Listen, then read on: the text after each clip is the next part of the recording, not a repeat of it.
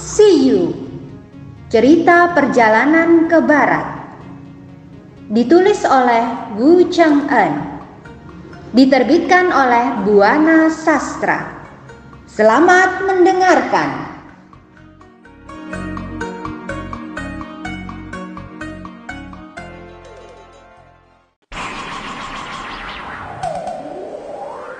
Bab 76 Sun Wukong dimasukkan ke botol wasiat, Sun Wukong mengamuk dalam perut Raja Siluman. Ketika Wukong sudah berada di dalam gua, ia mengawasi ke kiri dan ke kanan.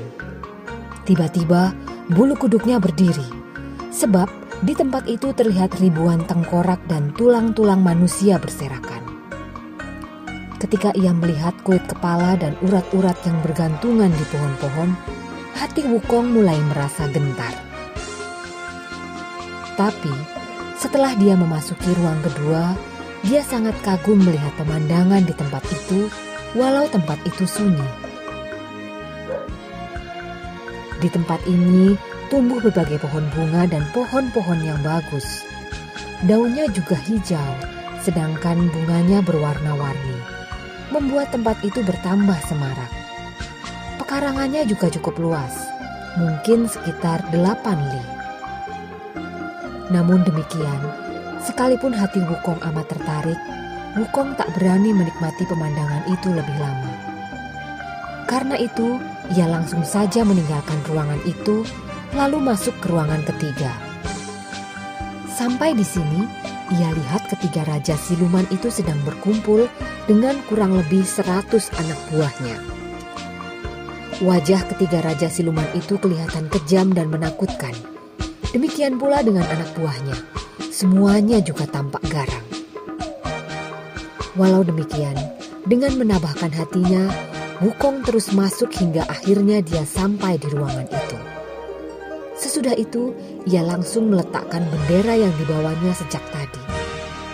Demikian juga dengan kentongan yang dipukuli setiap ia melangkahkan kaki.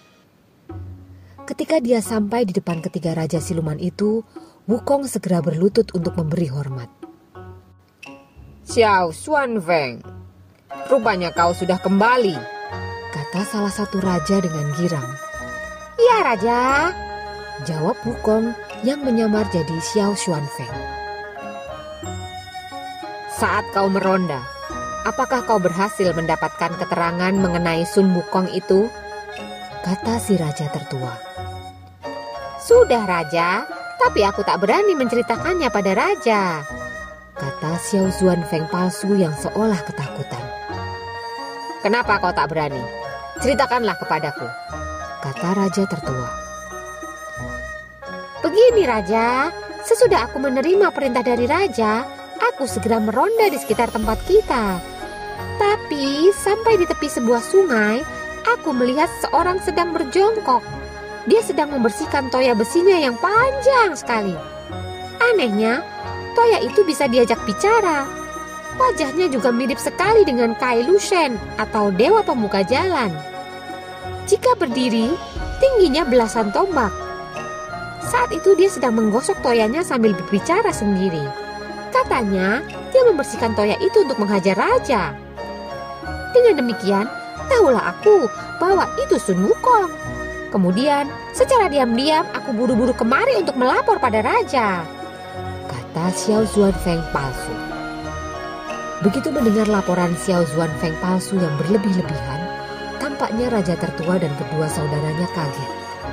Mereka terlihat sedikit cemas dan khawatir. Bagaimana pendapat kalian adik-adikku? Jika aku dengar laporan Xiao Zuan Feng, ternyata Sun Wukong ini hebat. Kalau begitu, lebih baik jangan kita ganggu biksu Tang itu, kata raja tertua. Kenapa begitu? Kata raja kedua. Sebab menurut laporan Xiao Feng, si Wukong akan menyerang kita. Padahal dia belum kita serang. Bagaimana kalau kita kunci saja pintu gua itu? Dengan demikian, kita bisa membiarkan mereka lewat. Kata raja tertua amat ketakutan. Tapi sayang sekali, kata raja kedua. Saat mereka sedang berbincang-bincang, seorang penjaga pintu gua masuk. Ada apa? Tanya Raja Tertua. Celaka Raja Tertua, anak buah kita yang berada di luar gua telah bubar seluruhnya. Kata si penjaga pintu. Bagaimana mungkin hal itu bisa terjadi? Kata Raja kedua. Mungkin karena mereka sudah mendengar tentang Sun Wukong. Saking takutnya, mereka lalu membubarkan diri. Oh celaka kita. Sekarang ayo lekas tutup pintu gua itu. Lalu kunci rapat-rapat. Kata Raja tertua terpengaruh. Maka tanpa menunggu perintah yang kedua kalinya, penjaga yang melapor tadi segera berlari ke arah pintu. Kemudian dengan cepat pintu gua itu ditutup, lalu dikuncinya dari dalam. Mendengar Raja tertua memerintahkan agar pintu gua itu ditutup, Xiao Zuan Feng palsu jadi kaget. Rupanya ia tak menduga kalau si Raja Siluman itu akan begitu ketakutan. Jika sampai pintu gua itu terkunci semua, lalu penyamaranku juga ketahuan, wah bisa celaka. Pikir Wukong. Ia pun segera memutar otak. Ah, akan kuakali ya agar mau membuka pintu gua. Maaf Raja, sebenarnya laporanku belum selesai. Kata Xiao Zuan Feng palsu. Coba kau katakan, apalagi yang lainnya? Kata raja tertua. Dia bilang akan menguliti kulit raja semua. Bahkan tulang belulang raja kedua pun akan dikerik semuanya. Selain itu, dia juga akan menarik urat-urat raja ketiga. Kata Wukong. Jadi, sekalipun raja semua mengunci pintu gua, rasanya hal itu percuma saja. Kenapa begitu? Tanya Raja tertua. Ah, masa si Raja tidak tahu? Si Wukong itu kan sangat pandai berubah wujud. Kabarnya dia bisa berubah wujud sampai 72 macam. Kadang-kadang dia menjadi lalat, kalau tidak dia menjadi tawon, sesuai dengan keinginannya. Jadi, sekalipun pintu itu terkunci rapat, dia tetap bisa lolos dan dicelah pintu. Jadi, bagaimana kalau tiba-tiba dia masuk sedang pintu kita terkunci rapat? Apakah berarti kita tidak bertambah celaka? Sudah tentu kita tak akan bisa kabur kalau pintu itu tertutup rapat. Kata Xiao Zuan Feng palsu. Ah, benar juga pendapatmu. Kalau begitu, bila kita melihat ada seekor lalat di dalam gua, lekas kalian tangkap dan bunuh dia. Ku yakin pasti itu penyamaran Sun Wukong. Kata Raja tertua. Mendengar perintah yang baru ini, hati Wukong merasa geli. Sekarang biar kuciptakan seekor lalat untuk menakut-nakuti dia, pikir Wukong. Setelah berpikir demikian, diam-diam ia cabut selembar rambut tubuhnya, lalu diciptakannya seekor lalat. Tak lama, terbanglah lalat itu ke depan Raja Tertua.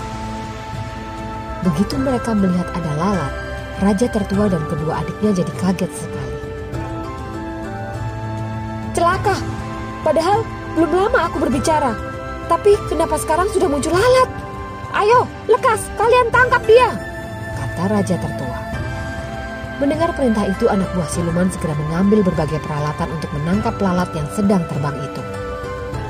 Dalam sekejap, semua anak buah siluman itu tampak amat sibuk menangkap lalat. Tapi, lalat itu gesit dan lincah, hingga anak buah siluman itu sulit menangkapnya. Sedangkan lalat itu dengan senang terbang kian kemari tak menentu. Xiao Zuan Feng palsu yang menyaksikan adegan lucu tersebut tak tahan menahan tawanya. Karena itu, tanpa sadar, ia tertawa hingga penyamarannya ketahuan oleh Raja Ketiga. Begitu Raja Ketiga mengetahui bahwa Xiao Zuan Feng itu palsu, dengan cepat Raja Ketiga melompat untuk menangkapnya. Kakak, hampir saja kita tertipu, kata Raja Ketiga. Tertipu? Tertipu bagaimana? Tanya Raja Tertua.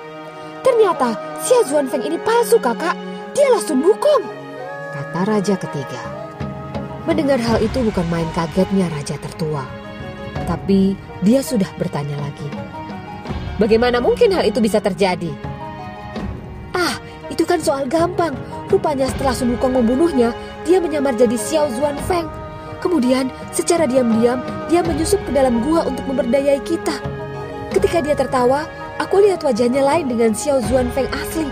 Maka itu dia kutangkap. Kata raja ketiga.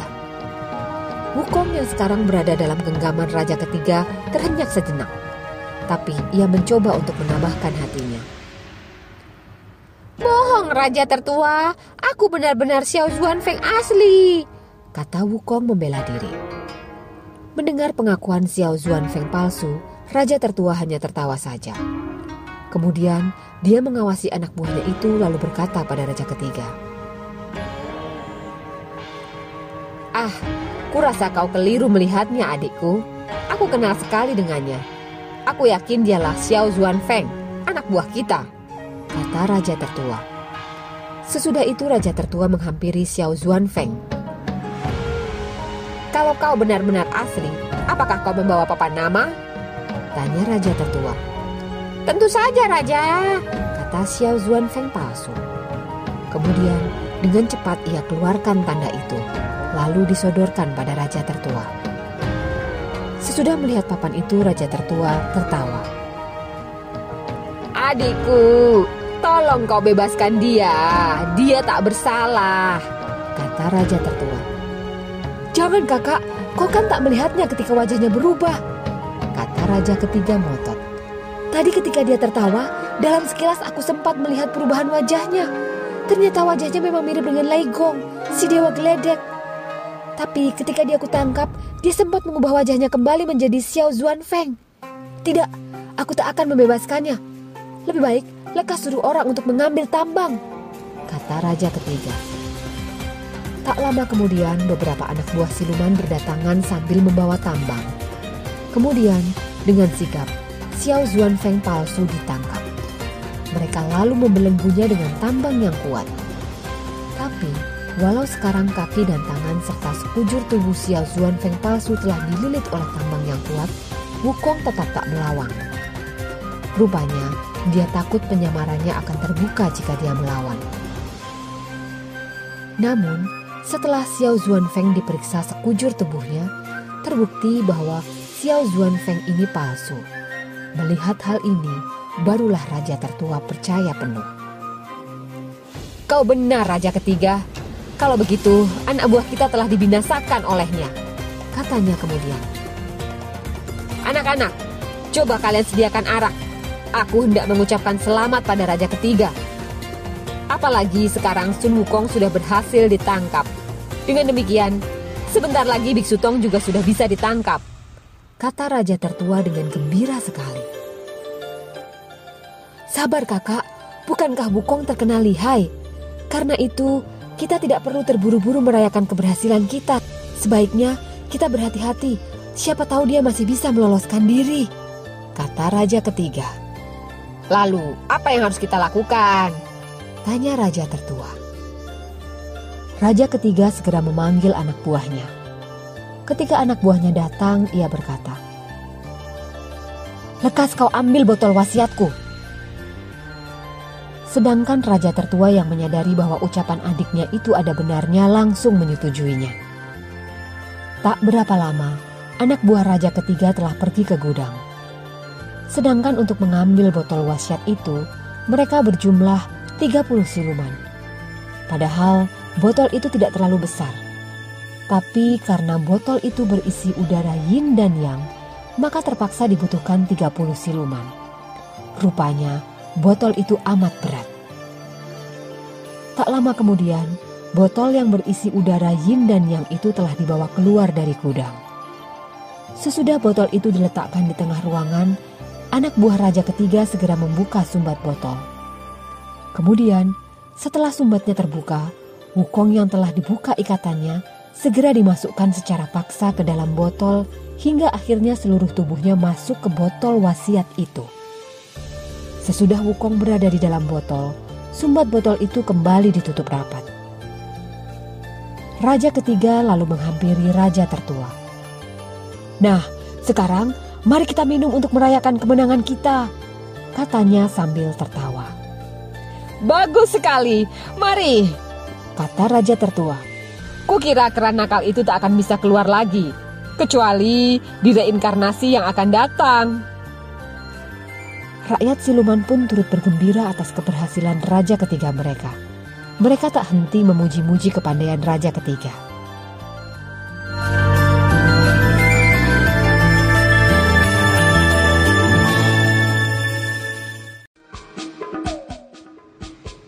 Dengarkan kisah selanjutnya. Terima kasih.